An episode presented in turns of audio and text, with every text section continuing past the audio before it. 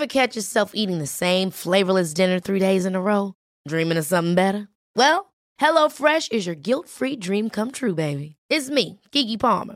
Let's wake up those taste buds with hot, juicy pecan-crusted chicken or garlic butter shrimp scampi. Mm. Hello Fresh. Stop dreaming of all the delicious possibilities and dig in at HelloFresh.com. Let's get this dinner party started. Hey, it's Ryan Reynolds, and I'm here with Keith, co star of my upcoming film, If, only in theaters, May 17th. Do you want to tell people the big news? All right, I'll do it. Sign up now and you'll get unlimited for $15 a month in six months of Paramount Plus Essential Plan on us. Mintmobile.com slash switch. Upfront payment of $45 equivalent to $15 per month. Unlimited over 40 gigabytes per month. Face lower speeds. Videos at 480p. Active Mint customers by 531.24 get six months of Paramount Plus Essential Plan. Auto renews after six months. Offer ends May 31st, 2024. Separate Paramount Plus registration required. Terms and conditions apply if rated PG. Systrarna Elvstrands hästpodd är producerad av Mediahouse by RF. Hej allihopa och varmt välkomna till avsnitt nummer 11 av systrarna Elfstrands hästpodd. Jajamän, idag ska vi snacka om ett ämne som många har önskat, nämligen ja, men mental träning. Mm. Och vår mentala resa med Fokus och Bella framförallt kanske. Mm, ja, precis. Och dagen till ära så har vi bjudit in ännu en gäst och det är vår mentala tränare Anna Maxdotter, a.k.a. Frisian Dream Team på Instagram, som ska komma och snacka med oss lite allmänt om mental träning, Parelli, NH, ge tips. Ja, men det kommer bli ett riktigt kanonavsnitt helt enkelt. Ja, och det är så himla roligt för att eh, våra vägar korsades ju ganska random kan man ju säga. För eh, vi har ju en liten serie på vår YouTube-kanal som heter Älvstrands testar där vi testar olika inriktningar och testar att rida olika raser och lite sådär. Och då kom vi i kontakt med Anna. Så tack vare henne och att de kontaktade oss så korsades våra vägar helt enkelt. Mm. Och vi tog upp den kontakten när jag fick problem med fokus. Mm, precis, och eh, vi har ju tränat eh, mentalt regelbundet nästan i drygt ett år nu tror jag va? Ja, eller jag i alla fall. Du var ju lite senare. Ja, men jag tror också att jag började träna för ett år sedan. Ja, jag började, jag, jag tror att jag började typ i februari, mars i förra året. Ungefär. Och jag tror att du hängde på några månader efter det. Så kan det nog ha varit. Men ska vi dra lite de största skillnaderna mellan Bella och Fokus före mentalträningen versus nu när vi har hållit på ett tag? Ja, men det låter bra. Och eh, om jag ska börja och snacka lite om fokus så ja, kunde han ju för det första inte gå över en bom knappt. Han kunde gå över en bom en gång och sen var det tvärstopp. Eftersom jag köpte honom som utbränd hopphäst så var jag lite så här, "Ja, ja men jag kan rida dressyr, det spelar liksom inte mig någon roll. Men jag vill ju ändå kunna variera arbetet i alla fall och eh, kunna rida över lite bommar och kanske lite småhinder på sin höjd. Nu har vi kommit lite längre än så, vilket är jättekul. Men eh, det var i alla fall min tanke. Och eh, sen så var han spänd i allmänhet och otrygg och ja men alltså överallt och ingenstans. Och eh, om man ska se hur han är nu idag så är han ju en helt annan häst. Han kan hoppa, vi hopptränar. Tanken är att vi kanske ska komma ut och tävla lite så småningom. Nu med tanke på hur det är just nu så blir det kanske nästa år. Vi får helt enkelt se det. Jag har inga som helst eh, Alltså jag, jag har ingen stress med den hästen utan allt får ta sin tid. Men eh, vi kan liksom vara med och hoppträna på svåra träningar och vi är igång och tränar dressyr och han är mycket, mycket lugnare nu i huvudet. Han bryr sig inte så mycket längre om skuggor och prylar och saker som fladdrar även om det såklart kan bli ännu bättre. Men eh, han är en mycket tryggare och gladare individ helt enkelt. Ja, verkligen. Alltså, vi trodde ju inte att han skulle hoppa över ett hinder när vi köpte honom. Vi Nej. tänkte att det här är kört. Det har varit en eh, extrem utmaning med den hästen och eh, om man ska dra ett väldigt talande exempel, alltså för säg två år sedan, ett två år sedan, Mm. då kanske du hade ehm, ja, ett bra pass på 30 pass. Ja. Och numera så har du kanske 28 bra pass på 30 pass. Ja men typ så alltså. Och det är helt fantastiskt att känna att jag kan njuta av passen nu. Jag behöver inte sitta och vara vaksam över att han ska bli rädd för någonting och kasta sig om eller ja, men ställa sig eller backa eller hålla på och krångla liksom. Utan nu kan vi kämpa mot det som vi faktiskt vill göra, inte kämpa emot varandra som vi gjorde förut. Ja men precis. Och lite samma är väl egentligen med mig och Bella. De är ju två väldigt olika hästar. Bella har ingen traumatisk bakgrund som Fokus har. Men hon är en väldigt dominant tjej. Så det jag jobbar på det är helt enkelt att eh, jag ska vara Bellas ledare och inte tvärtom. Eh, så mycket mycket roliga lekar. Det som är kul med henne det är att hon är väldigt lättlärd. Hon är ganska orädd så att det, det har gått ganska snabbt fram i de här lekarna. Vi har kunnat leka snabbt med stora presenningar och med transporten och att hon ska backa in i den och eh, massa sånt där. Och eh, till en början så var hon väldigt tryckkänslig. Det är hon såklart fortfarande. De flesta hästar är ju tryckkänsliga. Mm. Men till exempel så hade jag ju en del lastningsproblem med henne för eh, ja, något år sedan. Hon eh, ville inte gå in i transporten och krånglade och strulade mycket. Men nu så kan jag liksom peka på transporten och hon knallar rätt in i den. Mm, alltså det är så häftigt. Och eh, om man ska prata lite om vilka hästar som behöver mentalträning så skulle jag säga att alla mår bra av mentalträning. Mm. Vi kommer ju prata lite om det med Anna senare i avsnittet men det finns ju olika typer av hästar och olika typer av hästligheter som det heter. Eh, och också olika personligheter hos människor såklart. Så att, eh, ehm, det, man kan, det roliga är att man kan ju passa lite olika bra med hästar beroende på vad man har för hästlighet och personlighet. Mm, verkligen. Jag och Bella vi går ju emot varandra lite grann. För jag Mm. är ju väldigt lugn och hon är tvärtom lite Eldig. Lite, ja men lite eldigare av sig. Så det jag tränar på nu det är att jag själv ska bli mer eldig. Ja, det gäller ju att möta hästens hästlighet lite grann. Mm. Men eh, ja, jag skulle verkligen varmt rekommendera alla att testa det här och eh, utveckla sitt eh, band ihop med hästarna.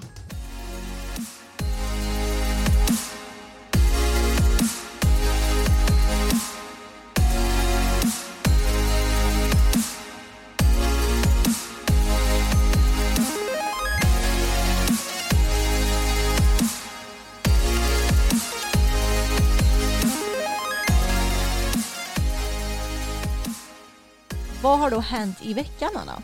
Ja, alltså vilken underbar vecka vi har haft. Mm. Fantastiskt väder och eh, väldigt, väldigt varmt. Så du och jag har ju till och med solat lite grann. Ja, solat i underkläder för första gången i år. Mm. Det har varit sommar, 20 grader ute. Mm, helt fantastiskt. Mm. Och eh, vi har jobbat på med hästarna i den dammiga paddocken. För det är ju så med eh, torrt väder så kommer torr paddock. Men eh, de har varit jättefina allihopa. Jag har verkligen inget att klaga på hos dem. Nej, de har varit jättefina. Bra hoppträning också. Det enda negativa med den här veckan är att jag har haft pissont i mina höfter. Ja, lite roligt med tanke på ja, vårt ganska nyligen inspelade avsnitt. Ja, alltså det är så ironiskt för det var ju bara två avsnitt sen som vi sa att nej men vi har inte haft problem med våra höfter på ett tag. Ja, där fick jag ju med en riktig käftsmäll kan man säga. för, för några dagar sedan nu när vi spelar in det här så började jag få så fruktansvärt ont i min högra höft faktiskt. Det är ju normalt sett min bra höft. Men alltså jag har haft så ont så att jag har liksom skrikit så högt av smärta. Det har då kommit i liksom vågor den här smärtan så jag har inte ont hela tiden. Men i vissa vinklar om jag gör vissa grejer med benet så Alltså det är en helt ny smärta dessutom. Mm. Inte den här huggande smärtan utan snarare en spridande smärta. Att smärtan utgår ifrån höftleden och sen bara sprider sig riktigt jäkla ordentligt. Både liksom ner i framsida lår, rumpa och lite baksida lår och mot ljumsken. Alltså det är fy fan vad ont jag har haft. Är det typ ett, eh, du kanske har fått ett höftbråck Emma? Ja, vem vet? Ja, det kanske finns. Ja, men jag lyckades hoppträna i alla fall. Jag avslutade den dock lite tidigare för jag kände att jag började få lite ont. Och eh, efter träningen när jag gick så kände jag att då började den här spridande smärtan igen. Idag som är dagen efter hoppträningen har jag också haft lite ont. Men det känns ändå som att jag är på bättringsvägen. Ja, du, du stånkade till en gång idag. ja, men vi får hoppas att den repar sig. Du, du får väl helt enkelt ta det lite lugnt nu med, eh, ja, med både hästar och trä. Alltså inte belasta höften för mycket. Nej, exakt. Och kanske inte rida boppen heller. Eftersom den sadeln inte passar min höfter optimalt. I det här avsnittet så är vi sponsrade utav Kolla Masken. Och det är ju väldigt passande med tanke på vilken sommarvecka vi har haft här nu. Så är det ju högst passande att vi har ett samarbete tillsammans med dem. Oh ja. Och innan vi drar dagens parasitfakta så vill jag bara säga att vi har en rabattkod i samarbete med Kolla Masken och koden ELFSTRAND2020 ger 10% rabatt i webbshoppen och vi har en länk i beskrivningen till det. Så passa på för nu är det ju verkligen hög tid för träckprov. Den här veckan så har vi fått två stycken olika maskar att prata om och den ena är fölmask och den andra är spolmask. Och eh, vi tänkte att vi skulle ta och börja prata lite om fölmasken. Mm, och den här gången så ska du ge informationen till mig Anna. Mm. Så ska vi se om jag kunde någonting eller inte. Mm. Då håller du i det nu Emma. Ja. Nu kommer fölmasken här. Mm. Fölmasken är precis som det låter, en parasit som finns hos föl. Själva masken är liten, bara en knapp centimeter lång och mindre än en millimeter tjock och den bor i tunntarmen. Larverna kan ta sig in i hästen på flera sätt, både genom slemhinnan i munnen, huden på benet eller genom stots mjölk. Hästen utvecklar snabbt immunitet mot fölmasken och de allra flesta märker inte ens av om fölet är smittat för redan vid sex månader finns inga fler ägg i bajset. Om fölet får en mycket stor infektion kan den få kraftig diarré som sitter i under flera veckor. Det är väldigt sällan svenska föl har några problem av fölmasken. Fölet får i sig larverna från mjölken från fjärde dygnet så om man vet att stot bär på smitta och brukar ha föl med problem med detta så behöver avmaskning ske med ett ivermektinpreparat samma dygn som fölet föds för att larverna ska hinna dö innan fölet får i sig dem. Det är bra att ta ett träckprov på stot en vecka innan beräknad fölning, två om det behövs odling för stor blodmask, så att man vet om stot behöver avmaskas. Då kan man med fördel vänta tills fölet är fött just för att komma åt denna larv som kan aktiveras vid födseln. Det hjälper alltså inte att avmaska innan fölningen. Om stot inte behöver avmaskas mot blodmask och det inte finns bekräftad fölmask på gården finns ingen anledning att behandla stot. Ja, det var ju en del ny info för mig, för jag har ju aldrig haft något eget föl, så jag har ju ganska dålig koll på det här. Men det känns ju ändå som att fölmask det är liksom en snäll mask. Mm. Så det känns skönt. Det känns som en bättre mask än stora blodmasken till exempel, som vi pratade om i förra avsnittet. Ja, men det gör det verkligen. Mm. Och eh, det är inte så konstigt att vi inte har så bra koll på just fölmask eftersom du, som du säger, vi har ju inte någon avel än. Men det är ju Nej. bra att veta inför framtiden eftersom Bella förhoppningsvis ska bli mamma i framtiden. Ja men exakt. Men nu vill jag höra om spolmask också Anna. Mm. Spolmask är en av hästens största parasiter. En gulvit mask där honorna, som är störst, kan bli 30-40 cm långa och tjocka som ett lillfinger. Både storleken och vandringen i hästen gör att det är en farlig parasit för ett litet föl. Varje hona kan lägga över en miljon ägg per dag. Äggen har tjockt skal och klarar sig i miljön i många år. Inuti det tjocka skalet utvecklas larven så hästen blir smittad så snart den får i sig ägg. Då larven vandrar till lungorna finns det risk för lunginflammation och ärrvävnad i lungorna. Den kan även bli förstoppad i tunntarmen och denna kan även spricka. Spolmasken drabbar oftast föl och unga hästar innan en immunitet skapas. Normalt sett så avmaskas föl utan träckprov de två första gångerna. När de är 8-10 veckor gamla och sedan igen vid 16-18 veckors ålder. När fölet är ett halvår är det dags att göra ett träckprov för att se om den plockat upp blodmask och om den fortfarande behöver hjälp med spolmasken. I januari-februari är det läge att kolla de nyblivna åringarna för spolmask. Många har redan utvecklat bra immunitet men andra behöver ytterligare avmaskning. Vi vill alltså att fölet får smittan så att den kan bygga upp sin immunitet, men inte för mycket. Så när vi väljer beteshage är det viktigt att fölet får de renaste betena. Ja men det här var ju ännu en parasit som mestadels drabbar unga hästar och vi har ju fått se de här i burkar på GHS när Kolla masken var där Anna. Ja, och jag kan säga att de var ju inte så stora som 30-40 centimeter, men de var kanske ja, men typ 10. Ja. Och redan då såg de rätt obehagliga ut kan jag säga. Mm, fy tusan, så det gäller att ha koll på hästarna så att de inte har sådana här i sin kropp känner jag. Ja, verkligen. Tack så jättemycket till Kolla Masken för att ni är med och sponsrar oss. Och då har veckans gäst kommit hit så vi säger varmt välkommen till Anna Maxdotter.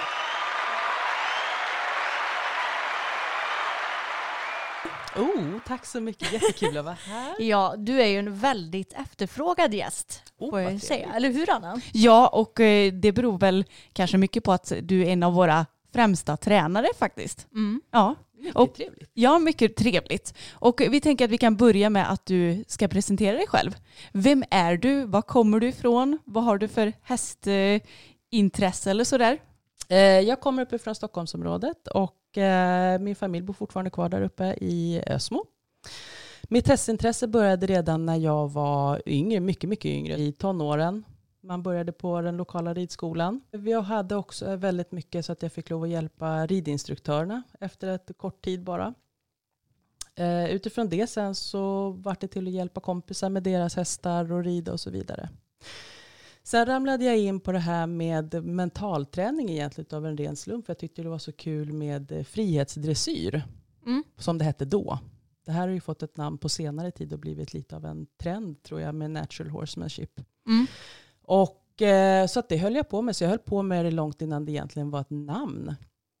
Jag tror till och med min mamma frågade mig hur länge du har hållit på egentligen. Då kom jag fram till hur gammal jag var. Bara en sån sak. Men eh, så att det är väl säkert över vad, 20 år som Mm. jag har hållit på med det här. Yes, men vad var det som liksom fick dig att börja med eh, natural horsemanship? Fanns det någon specifik händelse eller ramlade du bara in på det? Eh, jag har väl alltid varit intresserad egentligen av eh, hästars beteende. Och jag fann liksom att jag var mer intresserad av det och vad finns bakom det än eh, vad ska man säga, traditionell ridning, bara enbart att hoppa upp, sadla och sen åker man därifrån. Så att jag var mer intresserad av vad händer med hästen. Och det, jag ramlade in ganska snart egentligen på det här med att hjälpa människor med sina problemhästar. Allt ifrån kompisar och allt sånt här. Alltså, det var väl egentligen så jag trillade in på det. Liksom intresset för vad gör hästen? Hur fungerar den rent mentalt i huvudet? Mm.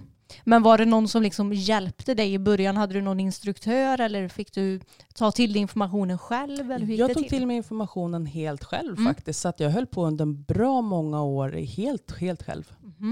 Jag Intressant. Ja. Mm. Var det, fanns det några böcker eller fick du bara eh, komma Nej, nej, på utan själv? jag gick egentligen på vad hästen sa till mig. Jag ställde mig helt enkelt i, i paddocken och släppte lös hästen. Och tittade, vad är det som händer egentligen? När jag gör de här olika sakerna. Mm. Just för att jag var intresserad av själva frihetsdressyren. Och sen ramlade jag in mer och mer på det. Vad kan jag göra? Hur kan jag utveckla det här? Hur kan jag eh, liksom få hästen att vilja vara med mig? Istället för att liksom, nu ska vi göra det här. Mm. För vad skulle du säga att det är för liksom inriktning som du utövar? Ja, jag har nog pysslat med det mesta tror jag. Ja. Allt ifrån VE, hoppning, dressyr. eh, Jag har eh, ridit i bushen. Jag har, eh, ja, jag har provat det mesta faktiskt. Mm. Så att jag har egentligen ingen direkt inriktning utan jag har hållit på med de flesta discipliner Mm. faktiskt. Och i det mentala, är det, skulle du säga att det är NH eller Parelli eller vad? Jag har ju så, tagit influenser egentligen ifrån väldigt många olika. Grunden är ju Parelli då om man Mm. säger. För att de gav en så tydlig karta utöver vad hästars beteende är och benade ut och benade ner och satte det på pränt mer eller mindre. Mm. Så att det var väldigt mycket lättare liksom att grotta ner sig ännu djupare i det, hur det fungerar. Men eh, sen finns det ju som sagt var Monty Roberts, det finns mängder av olika som jag liksom har tagit eh, influens av och liksom tittat och tagit godbitar av många av de här som sagt var vad det är de gör. Mm. Är det någon specifik förebild som du har? Eller flera kanske? Jag skulle nog säga, eh, jag har flera faktiskt. Jag Mm. beundrar människor som eh, har ett öppet sinne som kan eh, se vet mångfalden hos hästar. Hästkvinnor som, framförallt som er är en förebild tycker jag med tanke på att ni är så pass oerhört duktiga och ni ser som sagt var både stora och små. Ja, det vet jag inte riktigt Ja, jag skulle säga än, men jag känner mig verkligen som en nybörjare fortfarande på det här med mental träning. Ja, det, det är jag också. Men eh, vi lär oss mer och mer och det är inte helt lätt heller. Ska vi, men det, vi kommer in lite mer på det senare tänker jag. Ja, men det är väldigt roligt i alla fall. Men jag tänker att eh, kan inte du förklara lite så här noggrant vad till exempel Parelli innebär, just den inriktningen? Parelli är ju så att de går ju efter hästligheter om man tar nu generellt Mm. angående Parelli så går ju de enligt hästigheter, så- det vill säga horsenalities. Det innebär ju då att man eh, tittar på en tabell mer eller mindre och den finns tillgänglig för alla på nätet. Mm. Om man söker på den så finns det tillgängligt att kunna få upp. Så att, eh, och då ser man då att det är höger och vänster hjärnhalva och det är introvert och extrovert. Och det är ju samma sak som för människor att vi har de här sidorna. Och grunden är i det här då, det är att man tittar som sagt var och prickar in sin häst. Var har jag min häst någonstans egentligen? Och vad kan jag hjälpa den med? Mm. Och det är egentligen den stora grunden i det hela och sen att man har ett partnerskap med sin häst istället för att nu ska vi ut och rida, nu sätter vi på allting och ställer vi in det och så åker vi därifrån. Mm. Att man liksom får ett partnerskap med hästen och eh, utifrån det sen så kan ju hästen inte bete sig som ett flyktdjur som ni säkert själva har märkt i er träning. Utan att man får en helt annan relation till hästen än bara, bara ett djur. Det blir Mm. så väldigt, väldigt mycket mer. Så egentligen kan man säga att eh, Parelli är små övningar man kan göra tillsammans med sin häst för att få ett eh, partnerskap och därmed ett starkare band egentligen. Ja, Mm. det är väl egentligen om man ska bryta ner det jättemycket så ja. Ja, Mm. För kallar man inte Parelli för liksom Parellis lekar? Eller? Jajamän, det Mm. stämmer. De har ju de här sju lekarna som allting är baserat på Mm. och som allting egentligen utgår ifrån. ja, för det är ju det som vi håller på att träna på också. Men eh, kan inte du ta och eh, säga vad de sju lekarna är så vi har lite koll på vad det finns för olika lekar att eh, träna på? Vi har då för det första då vänskapsleken och det är en väldigt grundläggande lek egentligen som man då lär hästarna att vi är inte ute efter att eh, döda dig på något sätt. Vi är enbart ute efter att ha ett vänskapsband. Så när man gör saker så eh, visar man till exempel att eh, det här betyder ingenting utan du kan vara helt lugn oavsett om det är som du till exempel har övat väldigt mycket på med, med Bella. Det här med en pressändning till exempel. Det är ingenting som är farligt på något sätt. Och det är en eh, sorts av en extrem vänskapslek som Mhm. man gör med hästar. Mm. Sen har vi piggsvinsleken. Och den går ut på att förflytta hästen med hjälp av kroppen. Med fingrarna. Vi sätter ut dem som små piggsvinsfingrar. För att flytta hästen i olika riktningar. Så att den förstår vad förflyttningar egentligen betyder. Mm. Och att man ska använda så lite tryck som möjligt också. Va? Precis, man ska alltid utgå ifrån sig hur lite krävs det för att förflytta med en häst. Mm. Ju, ju känsligare häst får man, ju mer lyhörd häst får man. Ja, och det blir ju liksom, det blir bättre i ridningen också för det förs ju över till ridningen med så man kan rida med mindre hjälper. Ja, ja, Mm. absolut. Alla de här lekarna förs över till, till ridningen på oavsett vilken disciplin man har eller om man vill lastträna eller vad man nu vill göra för någonting. Sen har vi drivningsleken, det vill säga där vi driver då med kroppen, det vill säga vi rör inte hästen överhuvudtaget och flyttar den i olika riktningar och eh, som kan vara väldigt bra till exempel om det är så att vi ska in en häst i transporten. Att kunna veta vad säger min kropp? Hur förflyttar jag med hästen med enbart min kropp? Mm. Så kan man säga att om eh, du ska lasta hästen och bara pekar in i transporten, är Mm. det en sorts drivningslek då? Det är en sorts drivningssätt. Mm. Du säger till hästen att nu ska du in i transporten och eh, sen visar du med kroppen helt enkelt att det är dit du ska. Ja, och det är också något som vi har jobbat med mycket. Vidare sen så har vi också cirkelleken. Cirkelleken går ut på att vi backar ut hästen på en cirkel och sen så talar vi om för den att du får gå ut i höger eller vänster riktning. Och sen så står vi helt enkelt kvar. Det här ska alltså särskilja sig väldigt mycket ifrån longering där vi, där vi helt enkelt går med hästen med en piska. Eh, Det gör också så att hästen får ta ett eget ansvar. Vi eh, tillåter den att eh, gå ut, visa och utföra ut uppgiften till fullo. Vi beter oss inte som något som form av jägare som vi egentligen är. För vi är ju rovdjur, vi är människor. Och hästar är flyktdjur.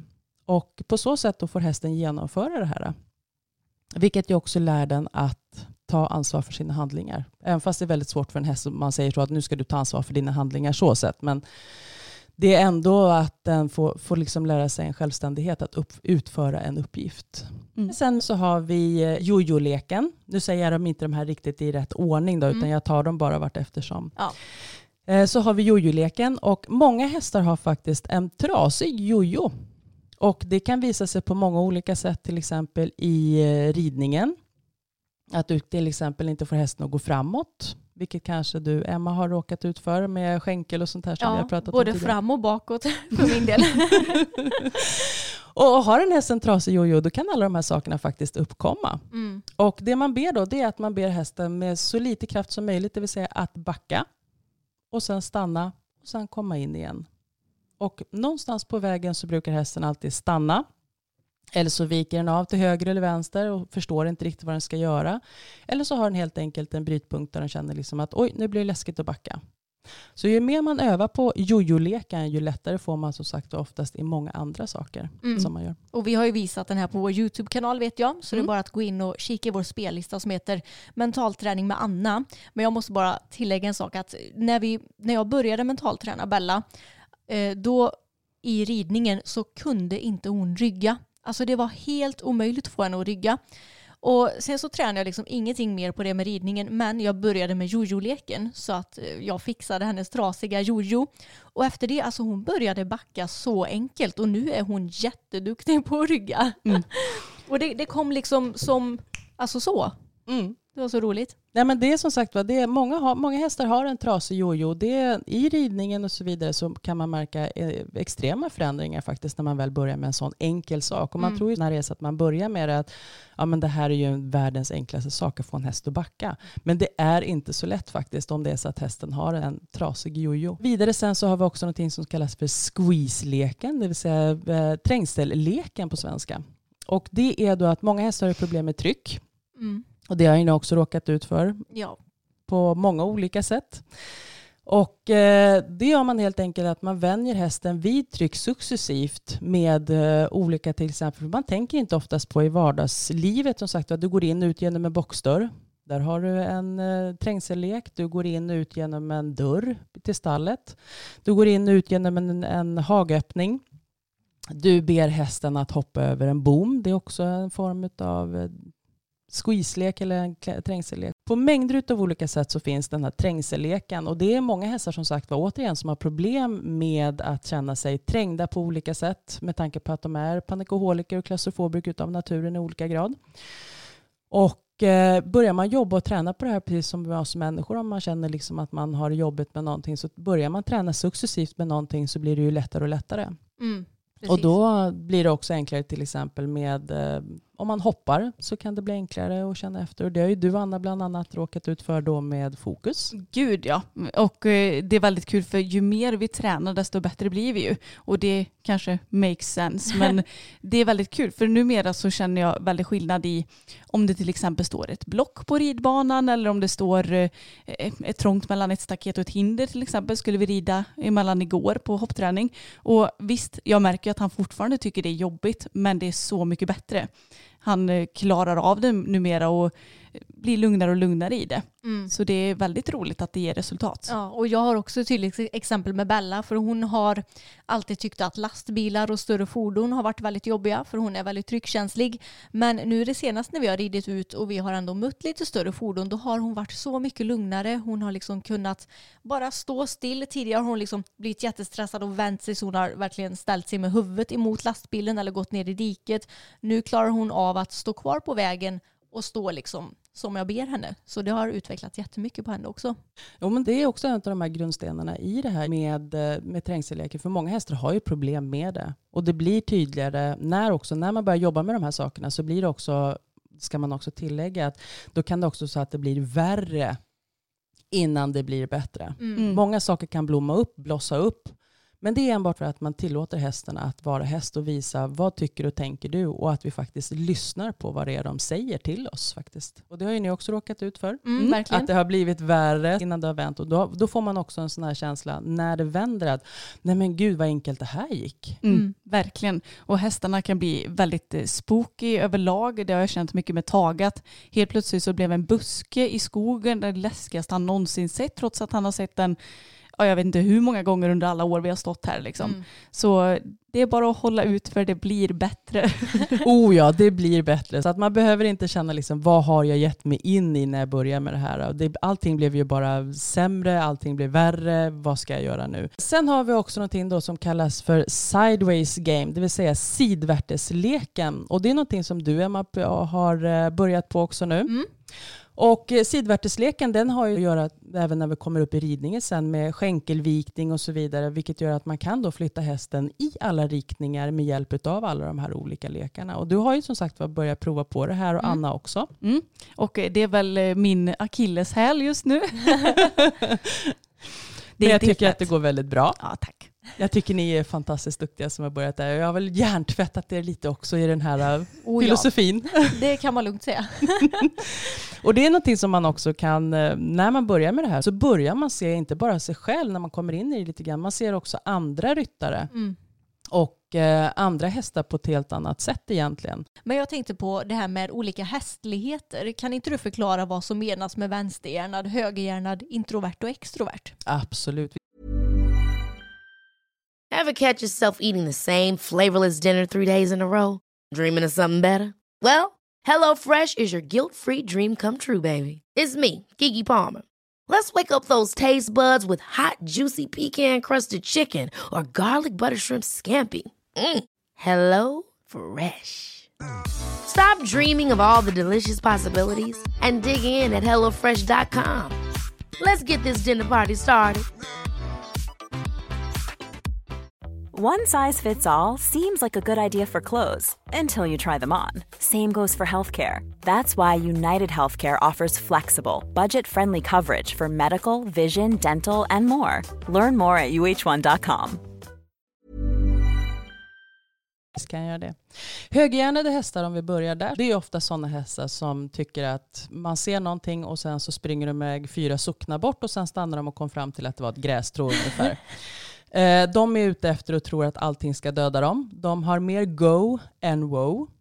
Eh, sen har vi då på den introverta sidan på högersidan så har vi ofta sådana som är väldigt tysta, väldigt timida.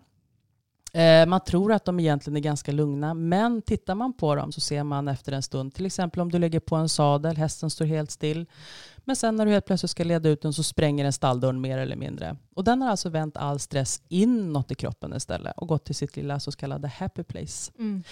Går vi över på den vänstra sidan, eller högra, vänstra sidan så då har vi då de hästarna som tycker att livet är lattjo De är utåtriktade, de vill hitta på nya saker till exempel. Så en exempel på sån häst till exempel kan vara att man tar och leker med dragkedjan i jackan och känner den, Mm. pillar på grejer. Tittar man då på den andra sidan, på den introverta sidan, så har man eh, de hästarna som, och det är säkert många som har ponnys där ute som har råkat ut för detta.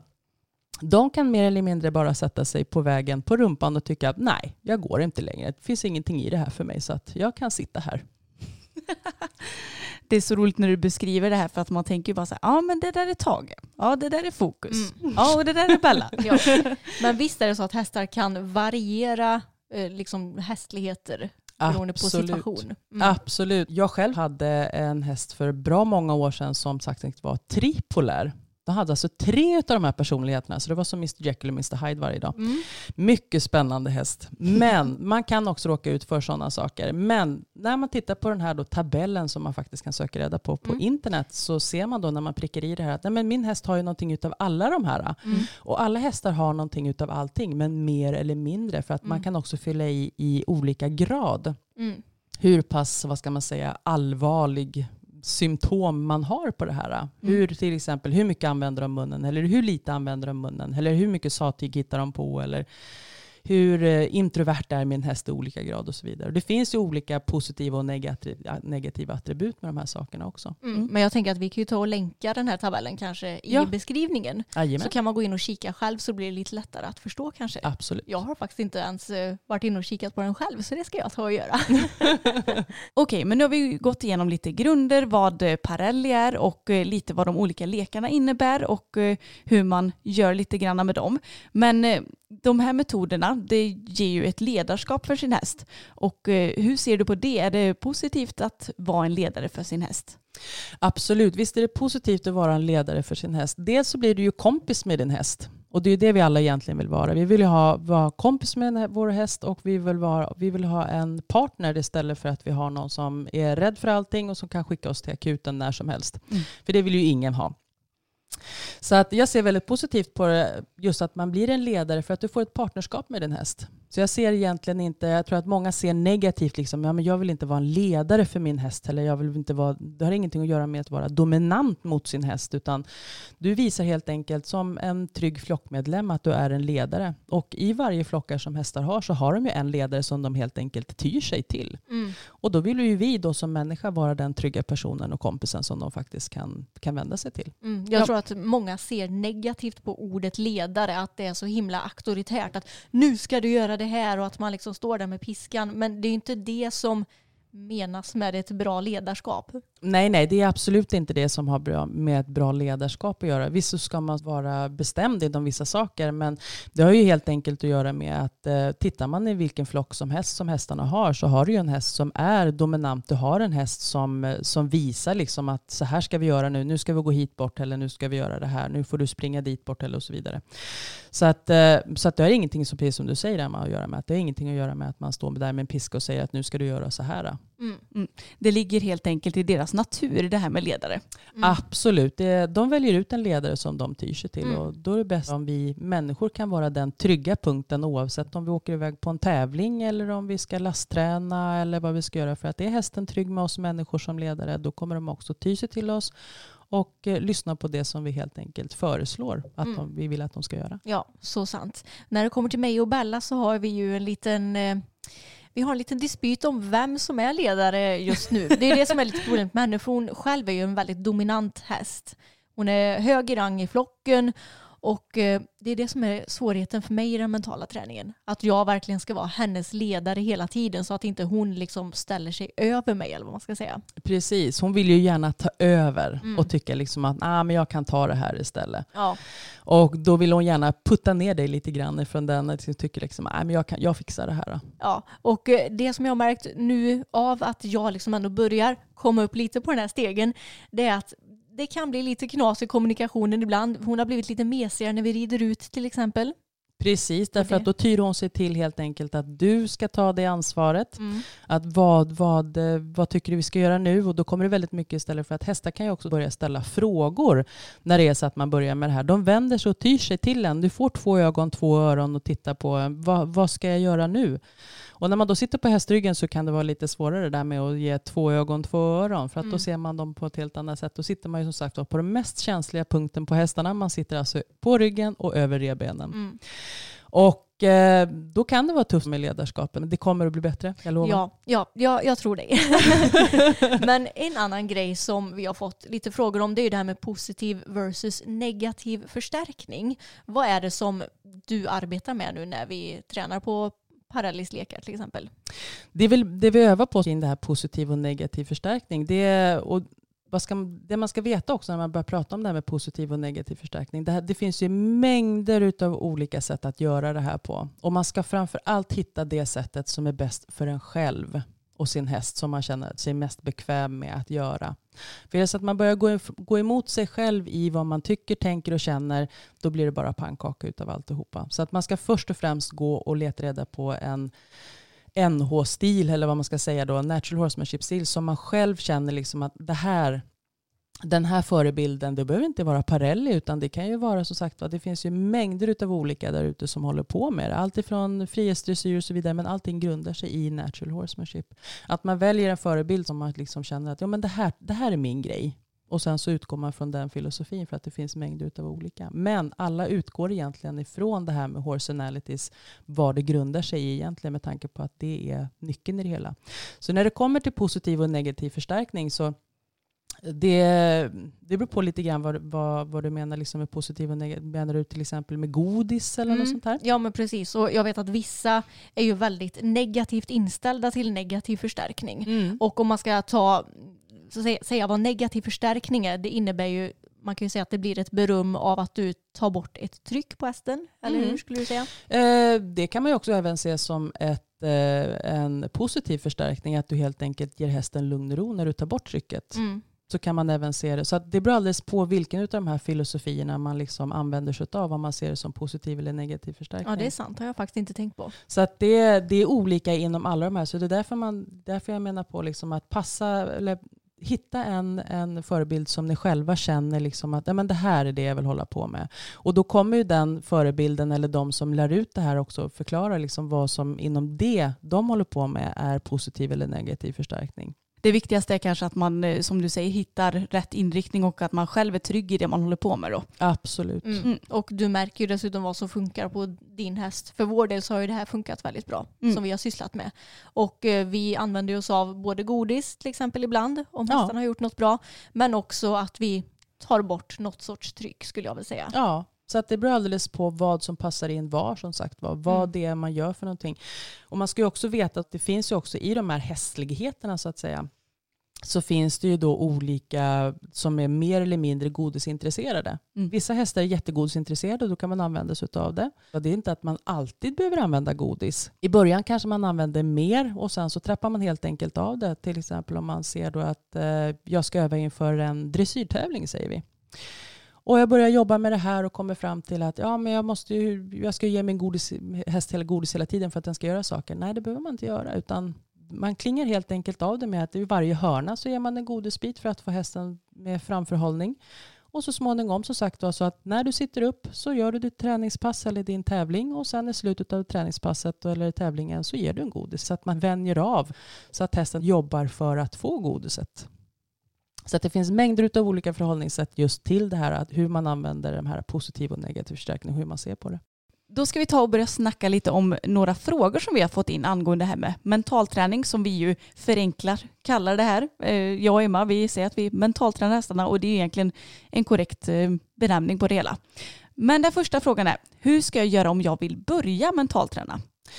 Det man ska göra om man ska börja mentalträna då som vi säger och som, som vi tre säger också. Mm. Det är ju det att titta som sagt var vilken filosofi passar mig?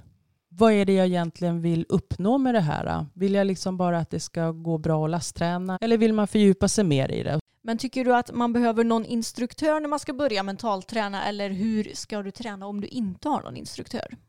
Som jag själv då, jag har väl egentligen inte haft någon instruktör alls genom alla år utan jag har ju lärt mig själv. Och jag har då tagit eh, informationen ifrån internet och tittat. Jag har sökt på de här olika då, så har jag fördjupat mig mer och mer i de filosofierna då som jag har varit mer intresserad utav. Och sen titta hur de utövar det här. Och sen tittat på utförliga övningar som det gör. Och det finns mängder på internet idag.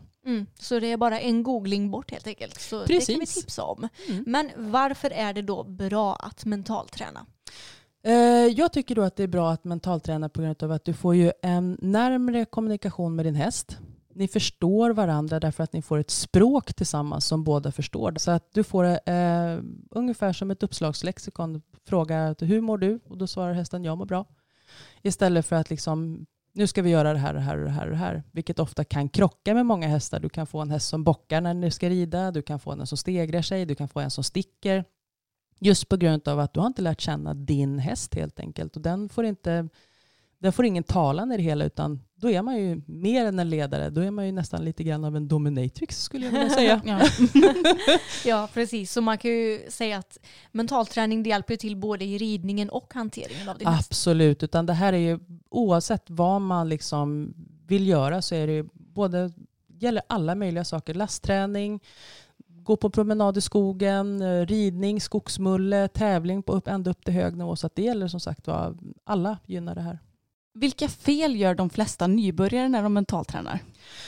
Eh, de vanligaste felen tror jag är att man går på för hårt och att man inte väntar in hästen. Mm. Att du helt enkelt eh, kommer fram till att nu har jag alla de här nya övningarna som är jättespännande att prova, vilket det också är. Det är jätteroligt och man kommer göra mängder av fel. Men jag ser det inte som att, jag, att man gör fel, utan för då får det en negativ klang även för, för den mänskliga hjärnan. Utan du har bara kommit på ett sätt att inte göra det på. Eh, Men när de vanligaste fel- felen som man gör det är att man går för fort fram och då kan det bli lite misskommunikation mellan dig och hästen. Det kan också bli att man inte väntar länge nog. För det är någonting som ni också upplevt att Mm. man kan faktiskt att jag står och pratar mer under tiden vi håller på. Och sen så märker ni efter en stund att nej men gud, hästen står ju och gäspar och börjar slappna av och hänger med huvudet och sådana saker. Det händer massa olika saker. Och det är helt enkelt att man behöver vänta in för att hästen ska bearbeta och smälta och eh, ibland kan det verka så att man sitter där själv så kan det ibland verka som att man sitter och tittar på färg som torkar för att det är kanske inte så jättespännande. Men det händer mängder inom hästen som sagt var som den behöver bearbeta och smälta när vi liksom börjar kommunicera med den. För att helt plötsligt så visar vi att vi hör dem. Mm. Och det går inte att säga att så här, ja, men du ska vänta fem minuter utan man får se hur hästen reagerar eller? Absolut, utan det är ju beroende på vilken hästlighet eller horsonality som den här hästen har. Om man Mm. utgår från Parelli som bas så får man helt enkelt vänta och se. Och det, hästen ger ju oftast en signal på till exempel då att slappna av. Den kan börja hänga med huvudet lite grann. Den kan börja, istället för uppspärrade ögon så har den liksom så att den får lite mjukare chippande ögon och sen så småningom kanske den börjar lite slicka sig lite om läpparna och gäspa och så vidare. Så att det är olika grad av avslappning helt enkelt. Mm. Men finns det några basövningar eller lekar som passar alla hästar oavsett vilken hästlighet de har? Eh, Jag skulle nog säga att där man börjar när det kommer till de här lekarna så är det ju framförallt då vänskapsleken. Att visa att jag är inte ute efter att skada dig på något sätt. Jag är ute efter att vara din vän eller ledare. Eh, och det är som sagt var visa att kan jag ta överallt på min häst utan att den opponerar sig?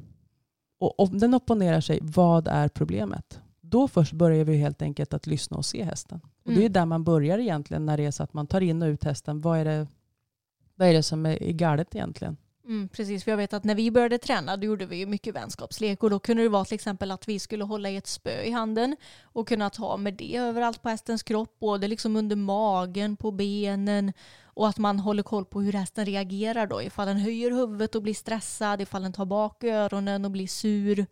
Och Precis. då ska man dra sig tillbaks lite va, om den gör det. När det är så att du ser att hästen till exempel far upp med huvudet, det kan ske antingen så går det fort eller så går det sakta.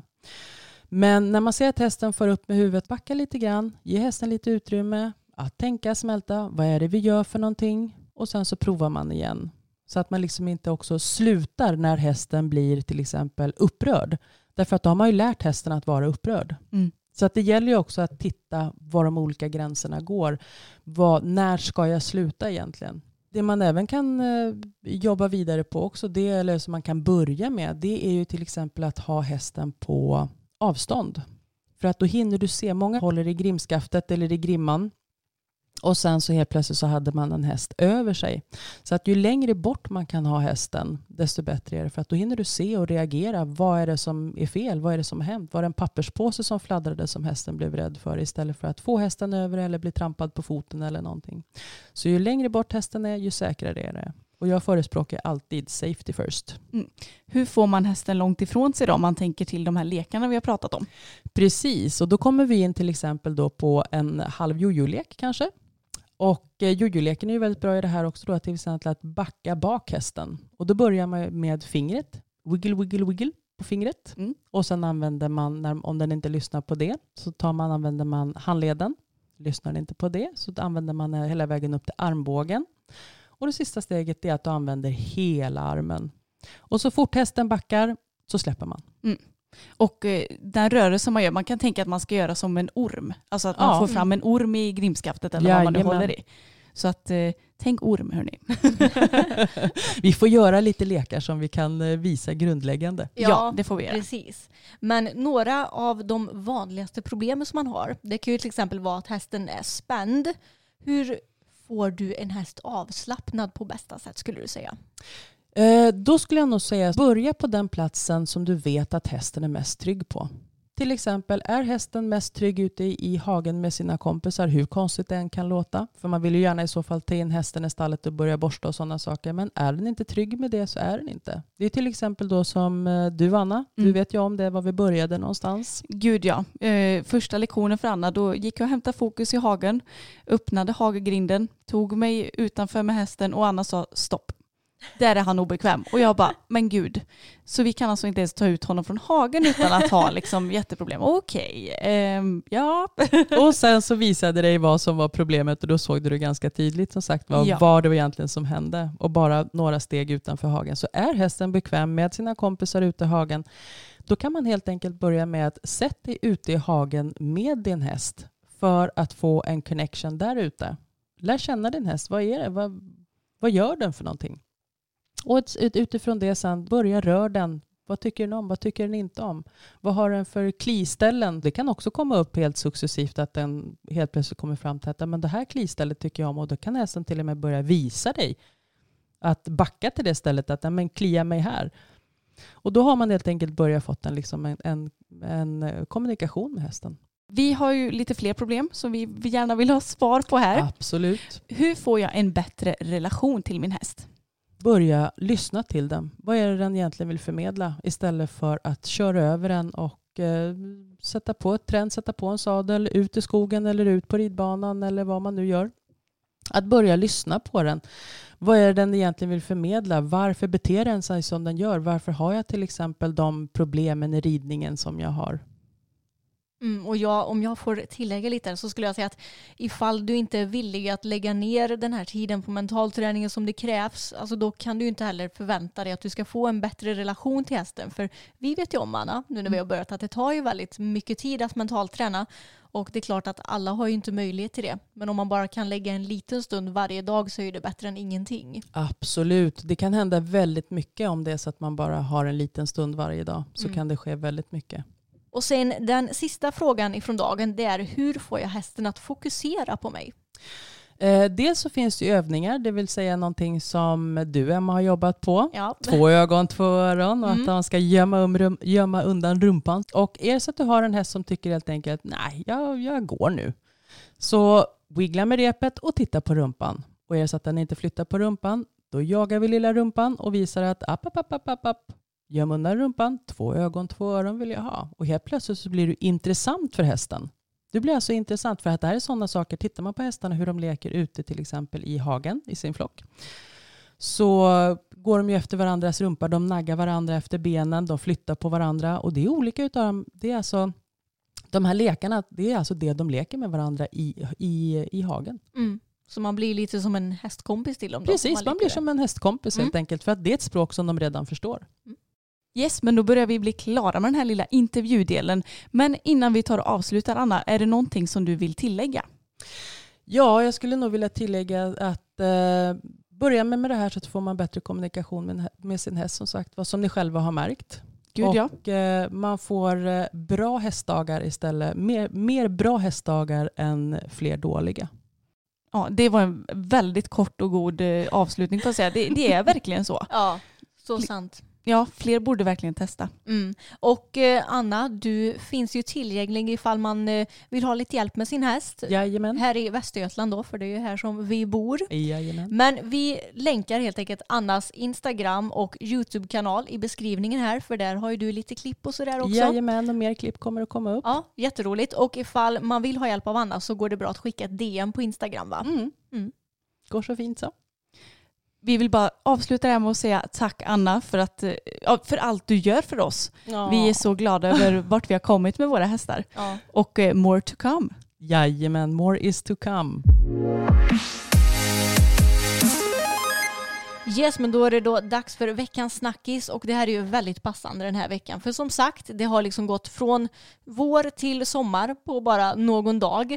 Och seriöst Anna, när vi var ute och åkte för ett par dagar sedan när det var ja, men 15-20 grader och strålande sol ute, då såg vi någon häst som gick med täcke. Ja, och alltså, jag, jag, jag kan bli så himla trött för att eh, både åt det hållet när det är så himla kallt och folk täcker på sina hästar utav bara 17 och sen nu liksom. Ja, va- Varför tycker du att din häst ska gå med täcke när det är 20 grader? Mm, Det finns ju ingen anledning. Nej, det är ju helt onödigt och det är så många människor som förmänskligar sina hästar. För säg att det är 10 grader ute, då behöver ju vi människor en jacka för att inte frysa. Men hästarna behöver inte det. För det är faktiskt så här, jag har tagit hjälp av en artikel på Hipson som heter Studie. Täcke kan ge skadliga effekter på hästens välbefinnande. Och den här kan vi ta och länka i beskrivningen till podden. Men det är ju så här, människor de kan bara reglera sin värmehållning själva utan kläder när det är mellan 25 och 30 grader. Så det är ett väldigt smalt spann som vi själva reglerar vår temperatur på. Åh jäklar, är det Ja. så kort? Japp, men hästar de kan anpassa sig mellan 25, nej, 5 till 25 grader. Oj, Mm. så 5 plusgrader till 25 Ja, plusgrader. exakt. Mm. Så det är en enorm skillnad. Så som sagt, en människa behöver jacka vid 10 grader.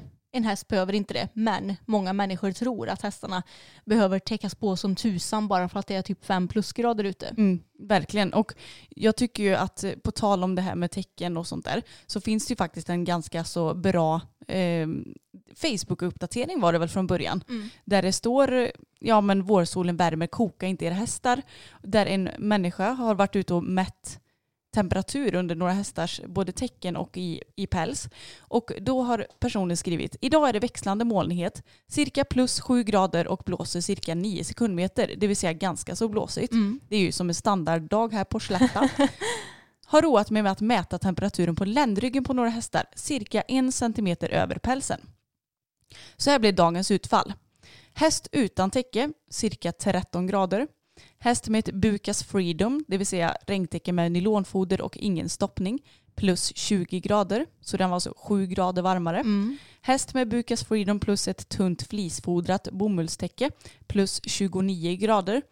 Så då kan man ju tänka sig hur varmt det blir när det faktiskt är ännu lite till i Mm. 7 plusgrader med Ja. blåst. Ja, det är helt galet. Mm. Och jag kan bli så fruktansvärt trött när jag ser så andra hästprofiler på typ Instagram, bloggar, vad det nu än må vara, som har liksom på sin hästar typ 500 grams täcke när det är noll grader ute. Mm. Alltså vill du få din häst att må dåligt vill man ju bara liksom, ja, man vill bara ruska om de här människorna. Ja, och framförallt så här, om du har 500 gram tecken på när det är 0 grader, vad ska du ha om det smäller till och blir 20 minus? Mm. Alltså det, det går ju inte, då får man ju ha hästen inomhus med 1000 gram då, eller vad? Mm, ja, exakt. Och fine att man kanske klipper hästen så att den behöver tecken då. Men det, jag tror att det är ett mycket, mycket större problem att man täcker hästarna för mycket än för lite. Gud ja. Och sen självklart så finns det frusna hästar. Det får man ju alltid lite kommentarer om när man håller på och tar upp lite täckesdebatt. Min häst är faktiskt frusen. Ja, det är självklart att det finns frusna hästar. Men jag tror knappast att alla i vårt avlånga land är frusna. Nej, det tror inte jag heller. Men om jag ska dra lite paralleller till den här artikeln från Hipson som ju har utgått från en studie och då gjorde de mätningar när lufttemperaturen låg mellan 4 till 4,5 grad och det är ju då under hästens termoregleringszon. Mm. Men trots att det var detta så hade några av hästarna en yttemperatur på mellan 24 och 30 grader med ett eh, täcke med tunnare foder. Det är väldigt mycket. Och hästarna utan täcke hade mellan 12,5 och 18,5 grad. Ja men det är ju jättemycket om man tänker, eller alltså det, man tror ju att det ska vara mindre. Nej men alltså det blir verkligen en sån galen skillnad bara du lägger på täcke på din häst. Och som sagt speciellt när det är soligt och eh, solen ligger på täckena. Det märker man ju bara själv. Går du ute med en svart tröja till exempel, jäklar vad varm du blir. Ja men gud, bara mitt hår. Jag är ju ganska mörkhårig. Mörkt brunt hår har jag. Och jag, om jag lägger handen på mitt bakhuvud så här om jag står ute i solen, det är ju glödhett. Mm. Så det är inte så konstigt. Så tänk på vad ni har för tecken eller icke-tecken på hästarna nu när det är varmt hörni. Ja men hörni, det var allt för den här veckan av systrarna Älvstrands hästpodd och vi kommer ju att spela in fler avsnitt med Anna i framtiden är planen just eftersom det har varit väldigt efterfrågat och då tänker vi att vi ska ta upp lite mer specifika problem också. Ja, och eh, vi pratade lite om det innan eh, avsnittet här, att det hade varit så kul att göra lite challenges, kanske på Instagram, att vi lägger upp en challenge med eh, ja, men lasta baklänges eller vad det än må vara för någonting, så kanske ni kan haka på det. För jag tycker verkligen att fler ska haka på den här mentala, mentala träningsresan, eller vad vi ska kalla det. Den mentala trenden. Ja, men precis. Ja, så se till att följa oss på Instagram, systrarna Älvstrand, för där kommer vi lägga upp allt sånt här.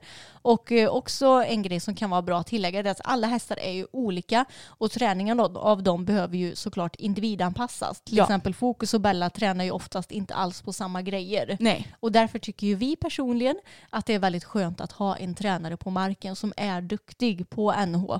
Som Anna till exempel, hon klarar det sig själv men jag känner att jag hade nog inte riktigt eh, vågat göra det. Nej, men inte jag heller. Och eh, alltså har man inte tillgång till någon duktig tränare då får man väl helt enkelt eh, söka sig till information och kanske följa Anna på Instagram som är väldigt duktig och lägger ut mycket grejer. Och på YouTube för den delen. Eh, men eh, verkligen ett jättetips att göra det här för man kommer så mycket närmare sin häst. Ja, och det finns ju också tränare på Ridesum också ifall man inte har någon i sin närhet utan vill träna digitalt istället. Så det är också ett tips. Just det. Ha det så jättebra nu hörni så hörs vi igen om en vecka. Det gör vi. Hej då!